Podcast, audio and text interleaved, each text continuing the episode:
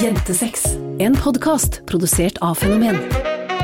Jentesex med Camilla Lorentzen og Julie Visnes. Dette er Jentesex.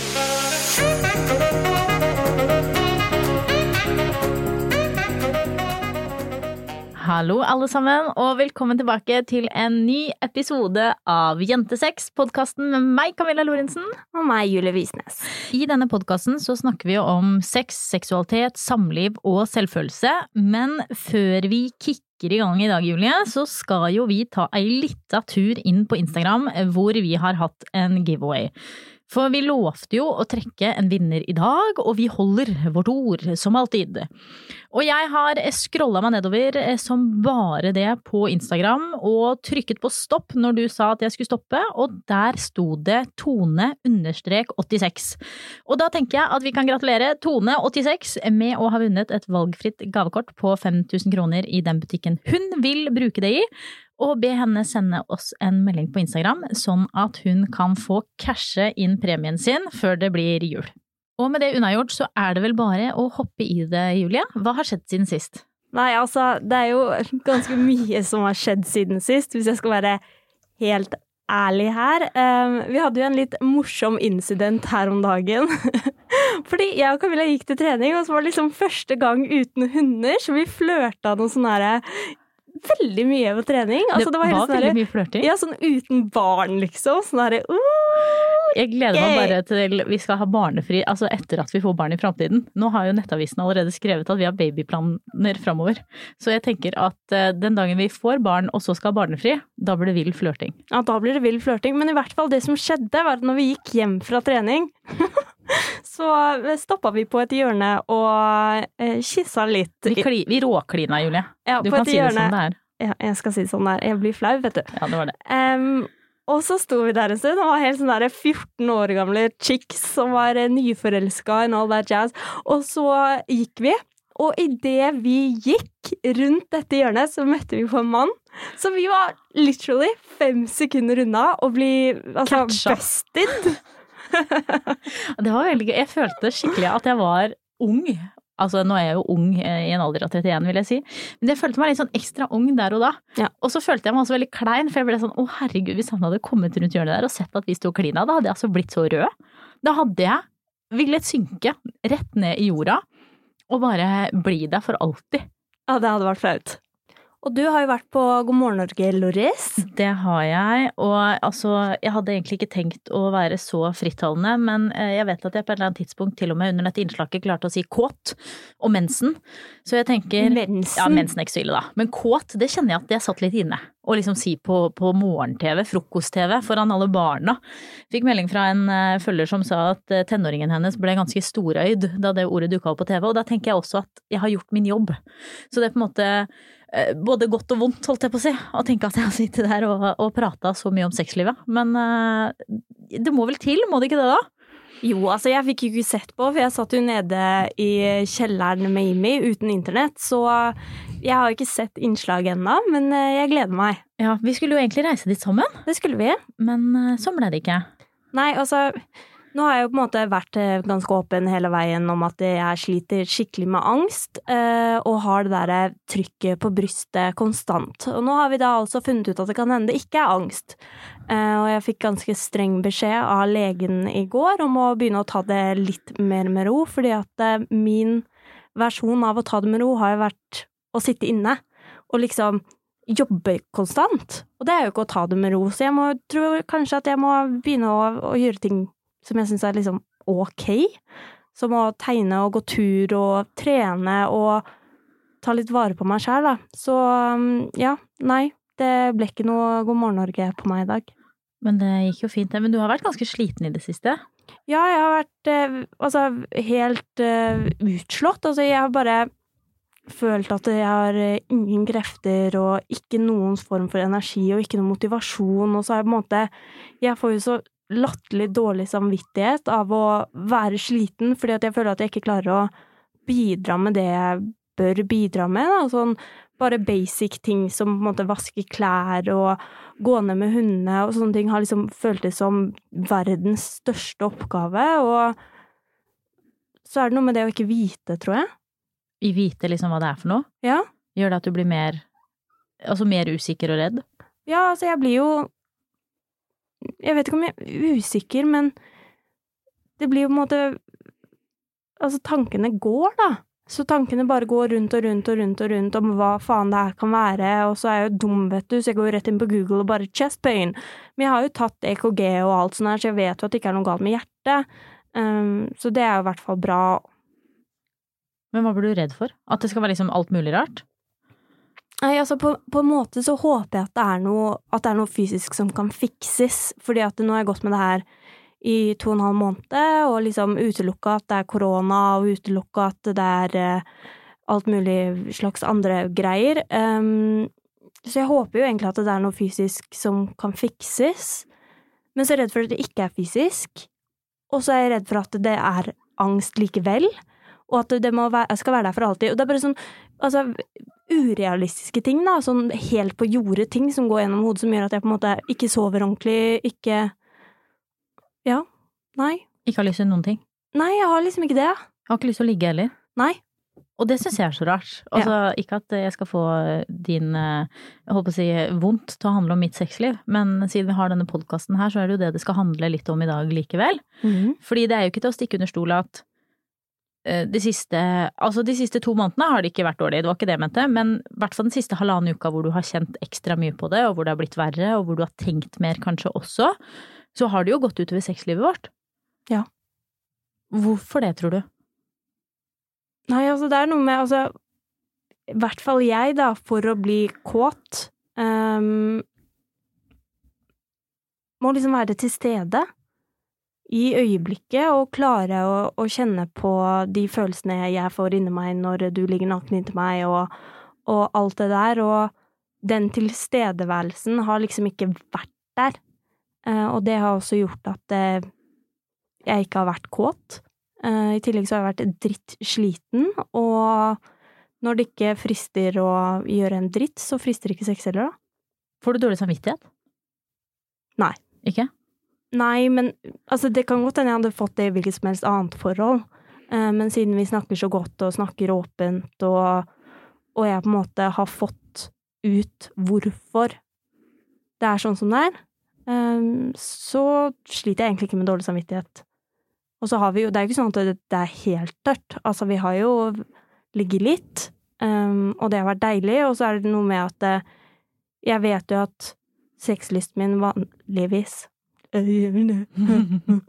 er uh, veldig høy, så jeg vet at det kommer tilbake. Ja, det håper jeg jo.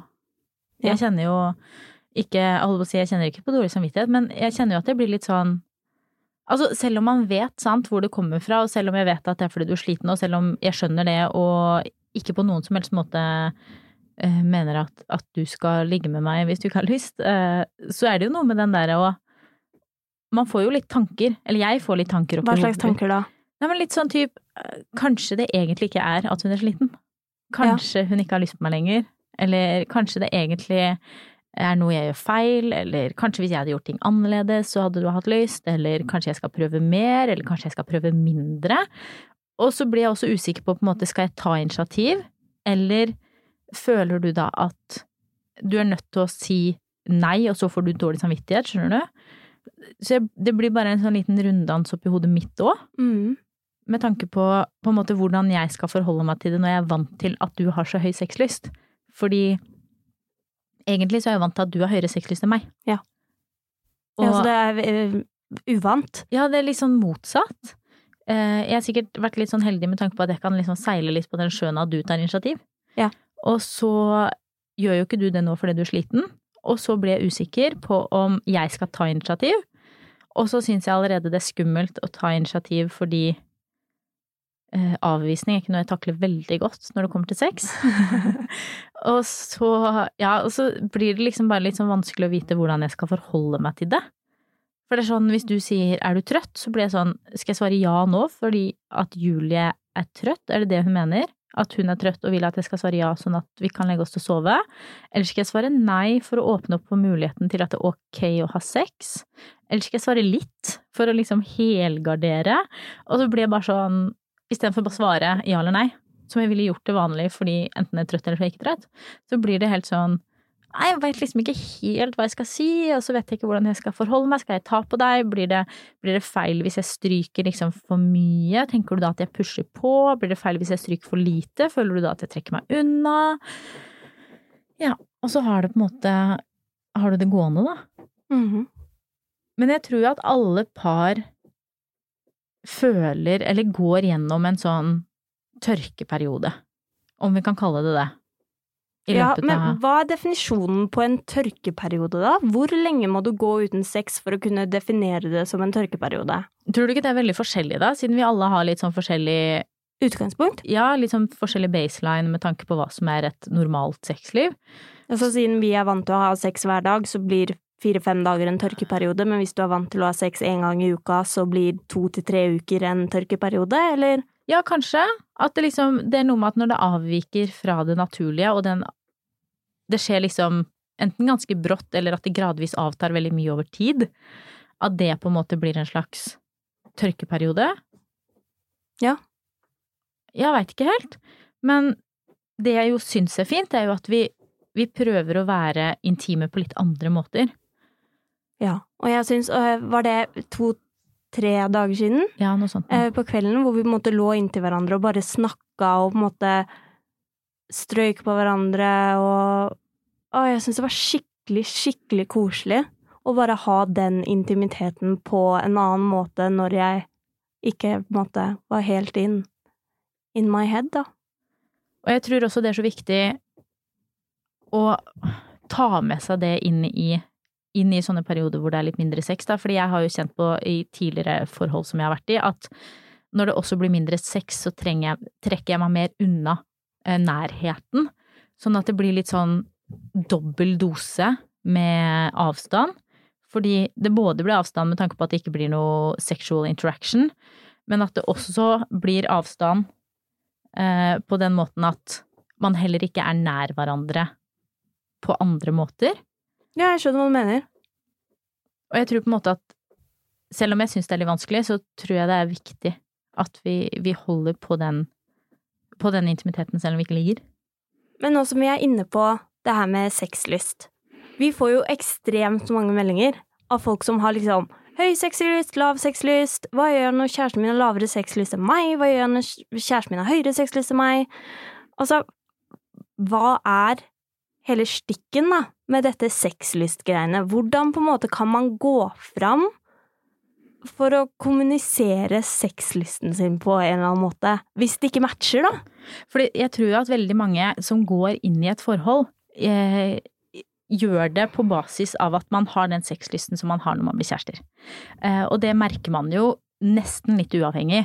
Eh, selv uansett hvor flink man er til å ta vare på romantikken og forelskelsen og alt det her, så er det jo noe med at i begynnelsen, når ting er nytt, når ting er spennende, når hormonene flommer litt over, så er man ofte mer kåt, man har lyst til å ligge oftere, man har mer overskudd, og man finner også plass til sexen.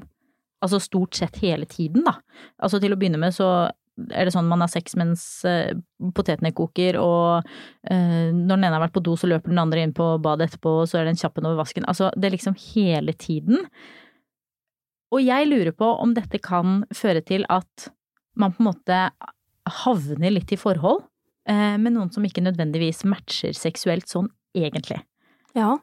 Og det syns jeg er så vanskelig, fordi for meg så hadde det jo vært helt uaktuelt egentlig å være i et forhold med noen som har lav sexlyst.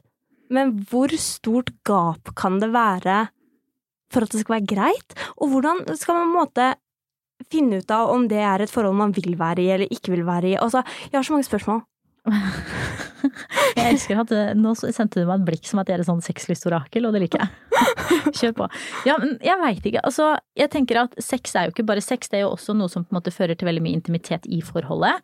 Så én ting er jo sexlysten, eh, men en annen ting er jo også hvor viktig er sex for at du skal føle at forholdet ditt er intimt nok. Skjønner du hva jeg mener? Går det på kjærlighetsspråk, liksom? Ja, det kan godt hende.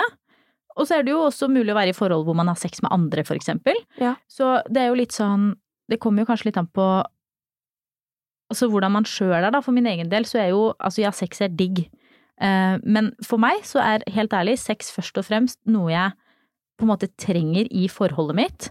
for å føle at jeg og kjæresten min står nær hverandre, for å føle at jeg og du på en måte eh, står sammen i ting, for å føle at det er en nærhet mellom oss, for å føle at du elsker meg, og for å kunne vise at jeg elsker deg. Sånn at, altså jeg har jo snakka litt tidligere om at jeg har vært i et åpent forhold, og sex utenfor følelser, eller uten følelser, eller hva man skal kalle det, er på en måte ikke noe jeg thriver etter.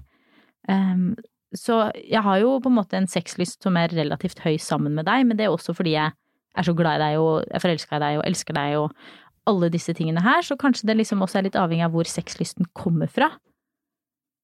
Ja. Hvordan er du på sexlystområdet? Har du sexlyst med alle hele tiden, holdt jeg på å si? Nei. Nei, nei, nei. Altså, veldig godt for meg å høre, for ellers hadde jeg blitt veldig eh, Du vet, vi snakka jo litt om sjalusi også her forrige gang, så jeg tenker hvis du hadde fortalt meg nå at du går rundt og er kåt 24 timer i døgnet og har lyst til å ligge med alle, så hadde det blitt et problem. nei, altså, men jeg, jeg tror helt ærlig at jeg ikke har på en måte funnet helt ut av sexlysten min før i det siste, fordi at eh, sex har på meg På meg. For For, meg. ehm, som jeg også har sagt tidligere, vært en måte å fuck away the gay. Eh, og jeg har derfor ligget mer enn jeg har hatt lyst til, om det gir mening. Og så har jeg ikke opplevd på en måte en så intens kjærlighet som jeg har med deg før heller. Og det også har gjort sexlysten veldig, veldig høy. Eh, Men også i tidligere forhold så har det på en måte vært en høy sexlyst, men samtidig så har det ikke vært det i det hele tatt fordi det har vært med feil kjønn. Mm. Um, så jeg syns helt ærlig det er, det er vanskelig å svare på, men jeg vet at den er veldig høy med deg. Um, og utover det så vet jeg ikke om den hadde vært like høy med noen andre, men ja. Jeg, jeg vet ikke. Jeg syns det er skikkelig, skikkelig vanskelig å svare på, for jeg er åpenbart et veldig følelsesmenneske. Um, og altså, det er følelsene som avgjør, da. Jentesex. Det er jo heller ikke sikkert at man merker at man har høy eller lav sexlyst, med mindre man er i et forhold med noen som ikke matcher heller. Fordi nå matcher jo vi ganske godt Jeg tror at vi har forskjellig type sexlyst, faktisk. Det kan vi jo komme litt tilbake til etterpå. Men vi matcher jo ganske godt, og da er det jo heller ikke og så Pluss at vi er ganske tidlig i forholdet vårt, det må vi få lov å si. Så det er jo heller ikke sikkert at verken du eller jeg nødvendigvis merker noe til hvor mye sexlyst vi har fordi vi matcher så godt. Mens hvis jeg hadde hatt veldig lav sexlyst, eller du hadde hatt veldig lav sexlyst, så kan det jo hende at, at det på en måte hadde vært lettere å, å vite. Tror du man kan få en pekepinn ut fra hvor ofte man onanerer? Kanskje, men jeg føler også at onani er på en måte noe man kan Altså sånn uten å kødde, så kunne jeg sikkert onanert tre ganger om dagen, liksom. Eh, uten å ha lyst til å ligge tre ganger om dagen. Men for å være helt ærlig igjen, så tror jeg også det handler litt med at sex er litt mer tiltak. Ja, men det er det jo. Det, er det lov å si det? Ja, ja, ja. Gud. Og i hvert fall når vi er to jenter. Det krever på en måte litt mer innsats og litt mer energi og litt mer overskudd. Eh, vi snakka jo så vidt med Sølve, kompisen vår, eh, om det her, og han var litt sånn Som gutt så er det sånn Du kan faktisk være skikkelig fornøyd på to minutter, men som jente så er man jo ikke nødvendigvis det. I hvert fall ikke, ikke kåt, klar, våt og alt i løpet av to minutter. Var det for mange ord for deg der som ble for mye? Vill, vakker og våt er den nye sangen vi skal gi ut. Um, men hvis man er i et forhold med noen som ikke matcher på sexlyst, og man er den med høy, tror du man da føler at det er på en måte en, en tørkeperiode hele tiden? Kanskje. Men alle de følelsene som du øh, har nå, det som vi snakka om i starten av episoden, det der med at du, du overtenker og, og alt det der, det, det er vel noe man kan kjenne seg igjen i hvis man er i et forhold hvor man har høy sexlyst og kjæresten har, har lavere sexlyst. Men om det føles som en tørkeperiode eller et shitty relationship, det er ikke lov å si. Er det ikke lov å si det? Nei, det er kanskje ikke det. Nei. Nei. Jeg har jo vært i forhold tidligere med, med menn, eller en mann av gangen da, som regel, hvor det har vært veldig stor forskjell på hvor mye sex jeg ville ha, og hvor sex, mye sex den jeg var sammen med at the moment ville ha. Og jeg kan jo si at jeg følte jo hele tiden at jeg ikke ble sett. Altså, det ble så stort. Eh, fordi en ting var på en måte at vi ikke lå nok, som jo høres ut som en veldig liten ting i et forhold, men fordi sex var så viktig for meg, da, og som jeg sa er så viktig for den intimiteten og den nærheten, så følte jeg rett og slett at, at jeg bare ikke ble ble sett som menneske i det hele tatt, liksom. At jeg ikke var viktig, at jeg ikke var tiltrekkende, at jeg ikke var noe å satse på. Altså, det ble liksom veldig, veldig stort. Og i tillegg, noe som kanskje er forskjell på det å ha høy og lav sexlyst versus en tørkeperiode, så følte jeg at jeg var aleine om det. Ja. Jeg følte at det bare var jeg som savnet noe, og så følte jeg meg kravstor. Og kanskje spesielt fordi jeg var jente og partneren min var gutt. Ja, for det er jo på en måte Altså, sikkert ikke uvanlig i det hele tatt, men det fremstilles som noe uvanlig. At jenta har høyere sexlyst enn gutten.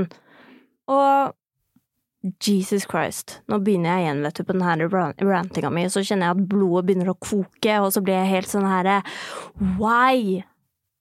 Hvorfor er det sånn? Hvorfor tror du det er sånn? Altså, det tror jeg jo er veldig det, kulturelt. Ja. Det her med at uh, mannen blir jo sett på som den som skal føre genene videre, og han er den som skal ta ansvar, og han er den som skal ligge rundt, og han er den som skal dytte pikken sin inn i alt for at det skal bli flere barn på jorda.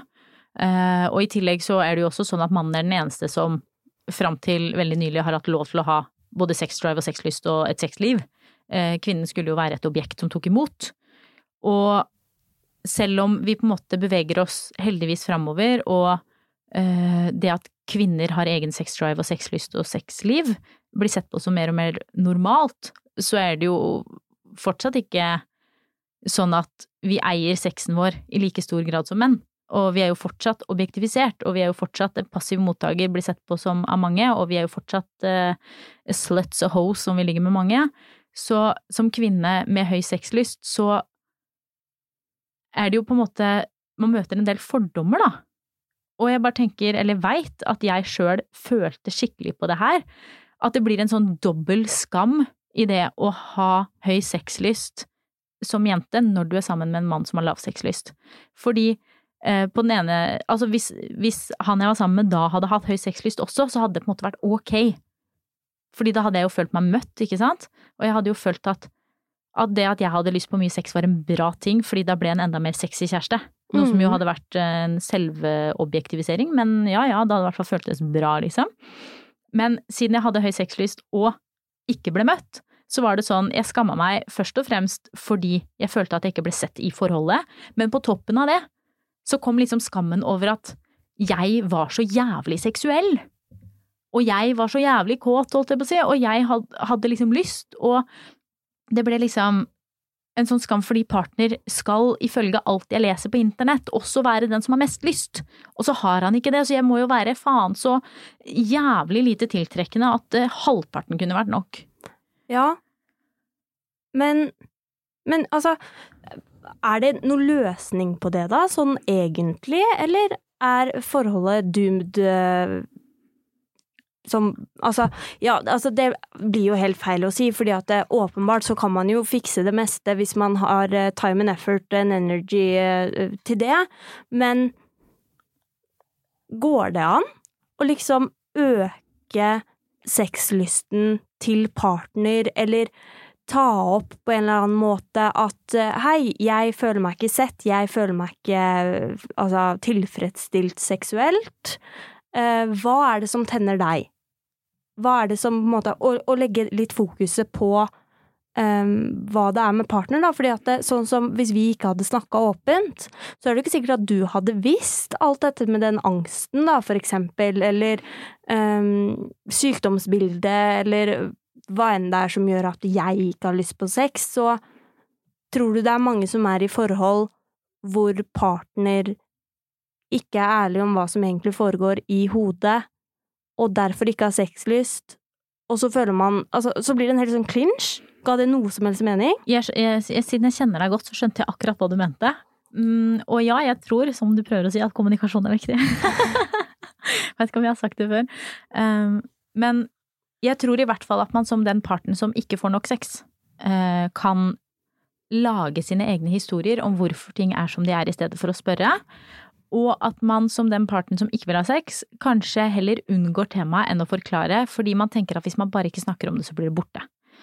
Det, men det kan man jo sikkert eh, tenke om alt, sant, uansett hva det er vi skammer oss over, uansett hva det er vi tenker på. Så er det jo noe med Du kan jo ikke vite hva noen andre tenker uten å spørre. Og du kan ikke tro at alt går bra uten å si noe.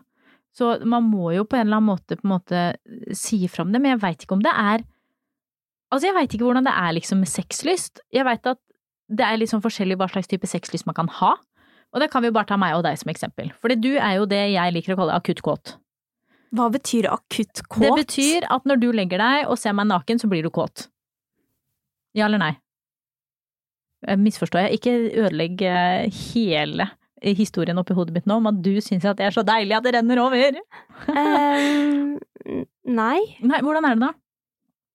Nei altså, men å se deg naken setter jo i gang tankene Ja. um, om på en måte at jeg har lyst til å ligge med deg, men jeg blir jo ikke kåt-kåt før vi har på en måte tatt på hverandre en stund. Det er ikke noe sånn at jeg på en måte er klar og ready to rumble bare jeg ser deg naken.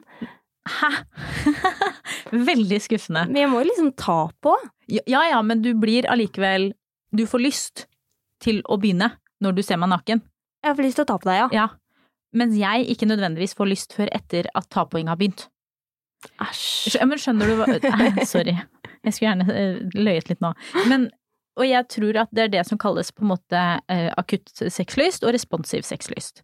Fordi enten så er man, og gjerne da menn, er faktisk av den akutte typen som på en måte bare får lyst på sex og er veldig visuelle og eh, blir kåte av å se eller av å bare tenke på, mens veldig mange, og spesielt jenter, trenger på en måte å, å komme i gang litt for å, å kjenne at liksom eh, blodet flommer ned til klitoris.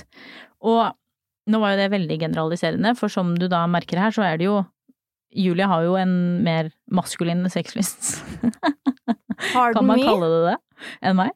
Er det feil? Nei, men det vet vi jo ikke. Jeg er dette stereotypifiserende? Ja, men altså, det er jo veldig generaliserende. Ja. Det er det jo å si liksom ja, jenter har det sånn og menn har det sånn, når det åpenbart ikke er sånn, men jeg vet ikke Nei, om det er greit å kalle det maskulin sexlyst. mest sannsynlig ikke. Kan vi ikke bare holde det til akutt, da? Jo, det kan vi. Akutt, Eh, akutt kåtskap, Ja. heller. Uh, vi er jo åpenbart to jenter i et forhold her uh, hvor ikke begge har responsiv sexlyst. Åpenbart. Men, men det er jo nettopp sånn det blir lagt fram på internett, da. Fordi jeg har jo lest masse om det. Og akutt sexlyst blir hele tiden tillatt menn. Og jeg tenker at hvis man som jente har det, så føler man jo sikkert også da på en sånn liten skam over at man bare blir kåt. Fordi det blir jo sagt hele tiden at menn skal ha det. Men det kan jo også godt hende at det er 50-50, og at menn i like stor grad som jenter har responsiv sexlyst. Og jeg tror også at hvis man har hatt en periode hvor man har hatt litt mindre sex, så kanskje den akutte sexlysten kan avta litt. Ja. Det har jeg tenkt litt på. ja, ja. Jo, men sånn er det jo. Er det det? Ja, ja, ja. Ja, det er helt sånn. Men jeg vet jo ikke. ikke. Nei, nå har jeg faktisk aldri vært i en periode hvor jeg Æsj. Hva er det du skal si nå? Hvorfor begynte du å le? Ingenting. Jeg, Jo, har- dette skal du så visst dele. jeg har jo aldri vært i en periode hvor jeg har måttet komme tilbake til kåtskapen, liksom. Sånn, jeg har jo aldri vært i en, en periode hvor jeg slutta å bli akutt kåt Før nå? før nå. Ja, din jævla skjøge! Tuller du med meg nå? Er dette, så det du sier at jeg er den første personen du har slutta å være kåt på?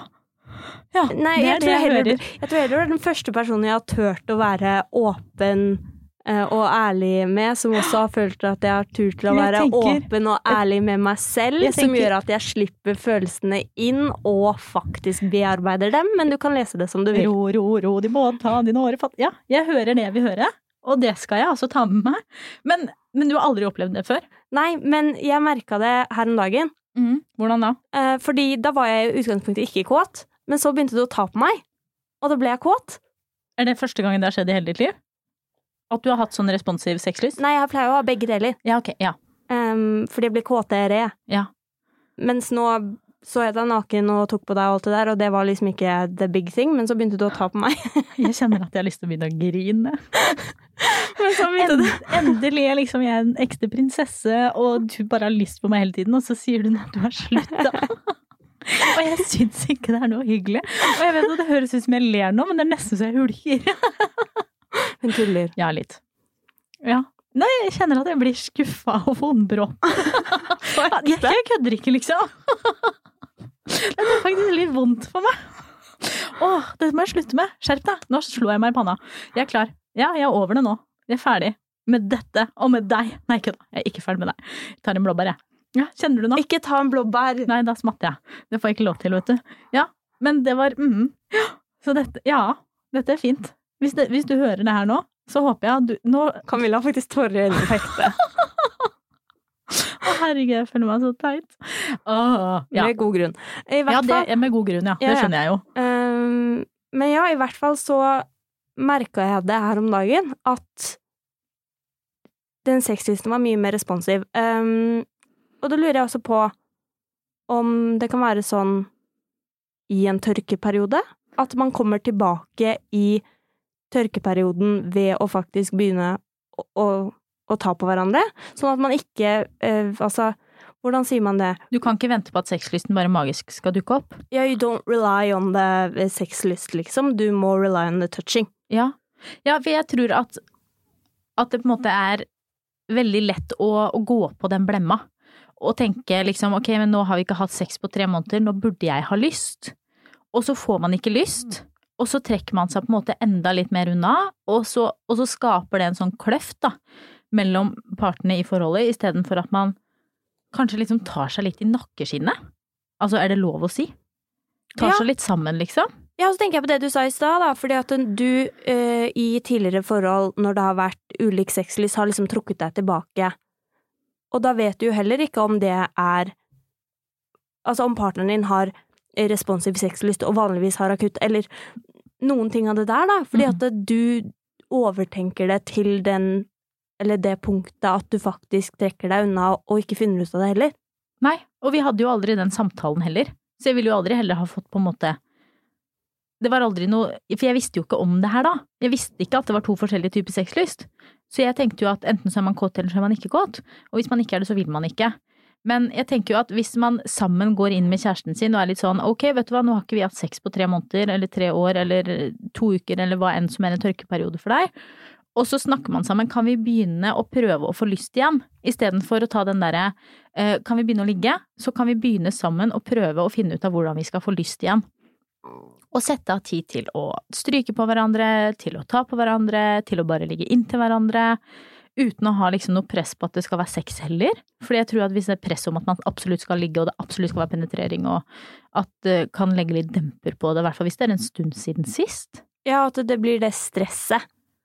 Sølve snakka jo også om, eh, litt om det, altså han satt på med oss eh, til Oslo, så vi snakka gjennom litt eh, podmateriale, og han sa noe veldig lurt, at de gangene på en måte han har vært i forhold hvor eh, altså det har gått litt tid, da, så har det blitt en sånn stressfølelse om at shit, nå må vi ligge, Mm. nå må vi ligge, og så tvinger man fram en sexlyst som kanskje ikke eksisterer, og så blir ikke sexen bra fordi det er stress, og så blir man på en måte sittende igjen med en følelse av å, ok, men sexen er ikke bra lenger, og så gidder man ikke prøve på nytt, og når man prøver på nytt igjen, så blir det stress på nytt, og så kommer man inn i en sånn greie hvor man faktisk ødelegger et sexliv med bakgrunn i at man prøver å stresse sexlivet fram. Ja, og at det blir bare mer og mer negativt. At man liksom, når man da først ligger, så får man bare bekrefta for seg sjøl at det er noe gærent. Ja. Fordi det er ikke like it used to be. Og jeg tror det er en så Altså, jeg setter veldig pris på at vi har gjort det, i hvert fall. Altså, nå skal ikke vi legge det fram her som at vi har hatt en vanvittig tørkeperiode, men seks måneder inn til forholdet, og første gang det har gått over en uke, så tenker jeg at da er det innafor å, å kalle det det. Men jeg syns også det er så fint at vi har prata om det på en måte Jeg tror jeg lufta det det er ikke så mange dagene siden, om jeg spurte liksom om du bare Er det sånn at du har lyst på mindre sex nå som du er så sliten? Kan vi bare prate litt om det for å på en måte clear the air? Um, og så på en måte bare fortsatte å være intime. Og jeg tror at det er et så fint sted å starte med kjæresten din hvis det har gått en stund siden sist, eller eh, noe ting sånn, og bare begynne med den praten om at Vet du hva, jeg vet at vi ikke har hatt sex i det siste. I'm not blaming you, I'm not blaming me. I'm blaming society. Nei da. Men kanskje vi kan begynne med å, å prøve å være kjærester. Og date, holdt jeg på å si, i senga og ligge inntil hverandre og sette av tid til å være intime, og, og så se etter hvert kanskje den sexlysten faktisk kommer. For altså, når var sist eh, du klina med kjæresten din? Det er mitt spørsmål til deg nå. Når var sist du klina med kjæresten din? Når var sist du stoppa på et hjørne når dere var ute og gikk tur, kasta henne inn til veggen og klinte litt? Når var sist dere lå sammen i senga og bare strøyk på hverandre og så hverandre inn i øynene? Når var sist du tok på kroppen til kjæresten din og sa hvor deilig den er? Altså, alle disse tingene er jo også det som gjorde at man hadde lyst på mye sex når man begynte å date, tenker jeg. Ja, og så kan man jo også altså, se tilbake på sånn type Altså, vi eh, i starten lå jo mye inntil hverandre og hørte på musikk. Og det også er jo ting som vi kan gjøre nå, for å på en måte Altså pleie oss, da, og, og ha det bra oss imellom, uavhengig av hva som skjer i hodet. Og så er jo det ulikt for alle hva de pleide å gjøre, og hvis de da på en måte tar en kikk inn i minneboka og bare ok, men dette gjorde vi i starten, og det syns vi var skikkelig ålreit, kanskje vi skal prøve det igjen. Anbefales ikke hvis du vokste opp på 70-tallet og det dere gjorde var å ta LSD og, og ligge i parken. Unnskyld, da skreik jeg! Da, da, da er det ikke noe vi anbefaler. Men ja, å gå litt tilbake til de tingene man, man, gjorde, for det er så mye man slutter med. Og det er liksom så mye man bare tenker at man ikke trenger lenger, men som kanskje er alle de tingene som faktisk gjorde at man hadde skikkelig lyst på hverandre. Mm. Og det trenger ikke å være ting som å, å reise på tur eller sette av åtte timer til gamingkveld med et vennepar. Det kan liksom være noe så enkelt som å ligge og holde rundt hverandre i senga om morgenen. Drikke kaffe ved siden av hverandre i senga, ta en dusj sammen. Ligge på brystet. Eh, fortelle kjæresten hvor digg det er at han har hår på brystet, eller hvor deilig og myk hun er på ryggen. Altså, det kan være hva som helst, liksom. Mm. Men jeg tror at hvis man tar et lite steg tilbake fra den tanken om at sexlysten bare er noe som skal magisk poppe opp en dag, og vente og vente og vente og vente, og heller ta litt ansvar for eget sexliv, og prater med eventuell partner og prøver å begynne med å være intime, fordi da kan det faktisk hende at kåtskapen kommer smygende etter hvert. At man har et godt utgangspunkt. Can I get an amen? Amen. Siste. Du hører Jentesex. Vi kan jo kjøre i gang med litt spørsmål, Julie. For vi har jo to spørsmål. Ett spørsmål, to. To spørsmål, To ja. spørsmål vi skal svare på i dag òg. Jeg vet at du sitter på de, Det gjør jeg. som alltid. Men nå er jeg jo redd for disse spørsmålene, hvis du er vombråten og skal eh, ta igjen. Ja, hvis det er personlige spørsmål retta til meg om deg, så bør du grue deg veldig. Det er det ikke. Det var dumt. Eh, det første spørsmålet er fra Maja, eh, som lurer på hvordan skal jeg håndtere at samboer masturberer, men tar aldri inch til sex og avviser meg? Å nei. Oh, fordi der er jeg litt sånn, vet du hva, det er helt greit at du tar på deg sjøl. Altså, jeg tenker at det å ha et sexliv med seg selv er jo kjempeviktig. Ja. Og et sexliv er ikke bare noe du har med kjæresten din, det er noe du har alene også. Men jeg skal være så ærlig å si at hvis du hadde valgt å onanere og ikke ligge med meg, så hadde jeg sikkert følt meg dobbelt så dum. For da hadde jeg tenkt at hun har lyst til å ha en orgasme, hun har bare ikke lyst til å ha den sammen med meg. Ja, altså, Er det feil? Nei, ikke feil i det hele si det? tatt. Jo, jo, jo. Og jeg skjønner jo at Maja føler at, at det her er jævlig og vanskelig å håndtere, fordi at det, det fins jo ikke, i hvert fall in my opinion, noe verre å ta opp enn noe man skammer seg for. Nei. Det fins ikke noe mer altså, gut-wrenching enn, enn å ta opp ting man syns er flaut, og jeg vet ikke helt hvordan man skal gå fram, eller hvordan Maja skal gå fram, men hva tenker du? Jeg tenker at Maja kanskje her egentlig har laget seg en liten historie oppi hodet om hvordan ting er. Um, og det kan godt hende at Maja har hatt en god samtale med kjæresten sin, og at hun vet at han eller hun velger å onanere framfor å være med henne. Uh, men ut ifra det hun skriver, så kan hun jo ikke vite om kjæresten velger å onanere fordi hun ikke vil ligge med Maja, eller om hun gjør det fordi hun er redd for å ta initiativ selv. Maja skriver jo at han avviser henne, da. Han?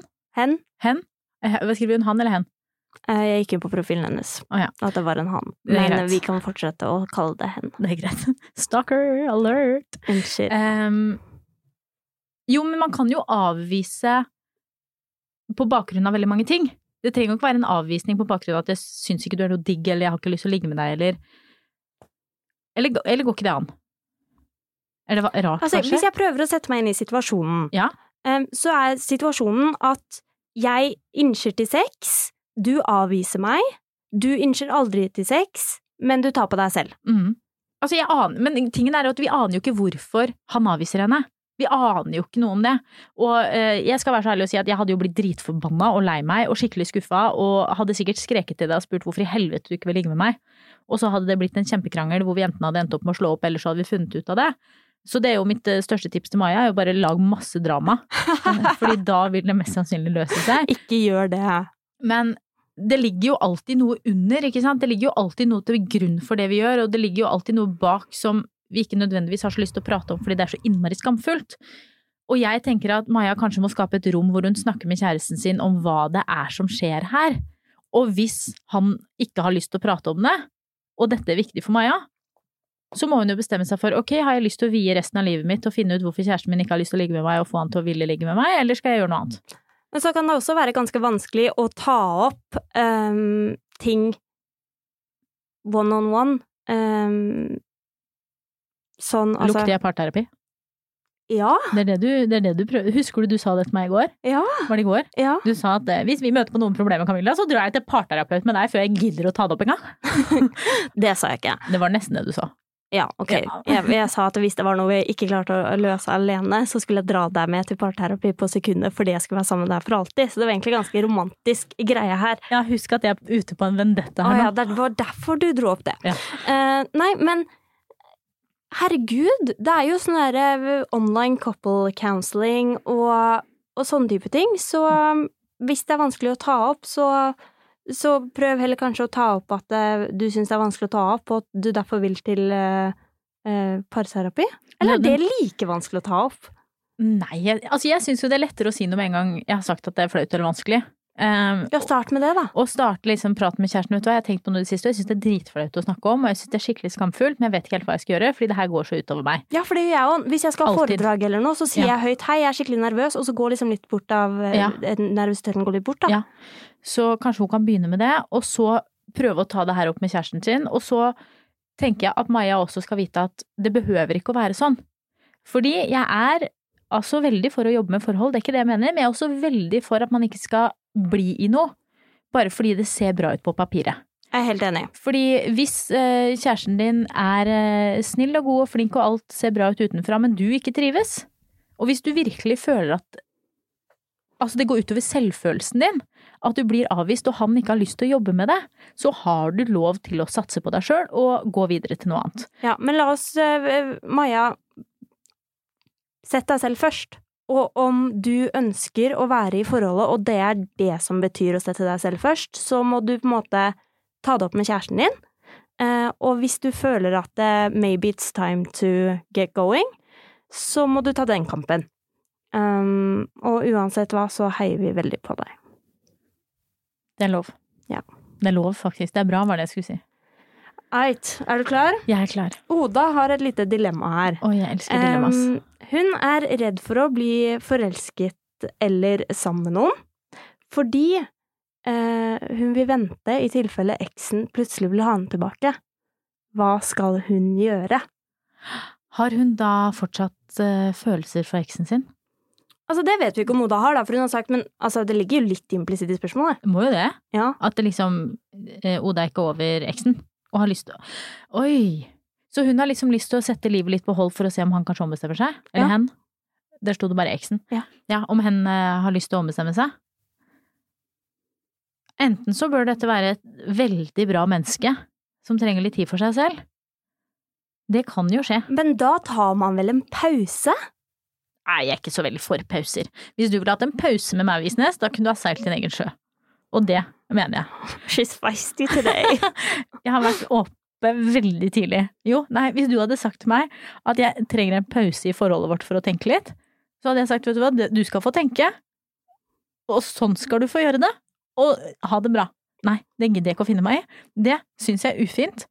Det er ikke noe for meg. Altså, det kan godt hende at man trenger litt tid fra hverandre for å tenke, det er ikke det jeg mener, men jeg skal ikke ha noe pause i forhold Hva er pause, da?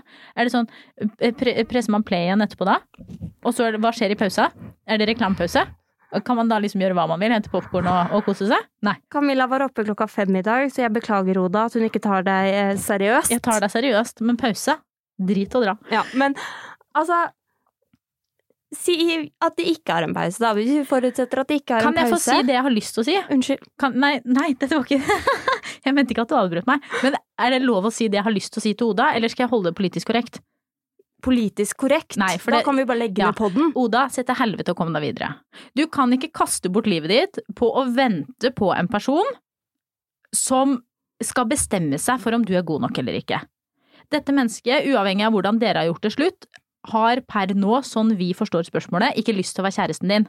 Og hvorfor skal du bruke masse tid på å få tilbake en person som ikke har lyst til å være med deg?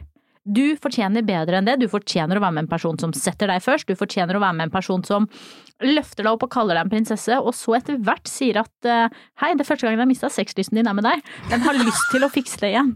Det fortjener du. Og det får ikke du med denne ekskjæresten her. Dette er noe dritt. Du skal forelske deg igjen, og sånn er det med den saken. Skal jeg stå opp tidligere, oftere eller sjeldnere? Sjeldnere. Jeg er litt redd. Jeg kjenner det sånn i brystet. Du vet derfor jeg har vondt fra før, Camilla. Gjør det ekstra vondt i dag? Det gjør vondt når du snakker til meg på den måten. Jeg har ikke snakka til deg, det var til Oda. Å ja. Ja. Ja, ok. Ikke Men, ta det så jævlig personlig. men hvorfor er det sånn at vi vi bruker tid på liksom what if-a oss gjennom livet? For Nei, det er jo, det, det, er jo ja. det hun gjør, Oda. Altså, det er det du gjør. Sorry, men det er veldig harsh, men it's Ja, men hun true. gjør jo det. Hun sitter Og- jo her og venter på at eh, det alternative realiteten skal kicke inn. Ja, what if? Hun, hun velger å ikke leve det livet som ligger foran henne, fordi det kanskje finnes en annen vei som hun kunne ha tatt.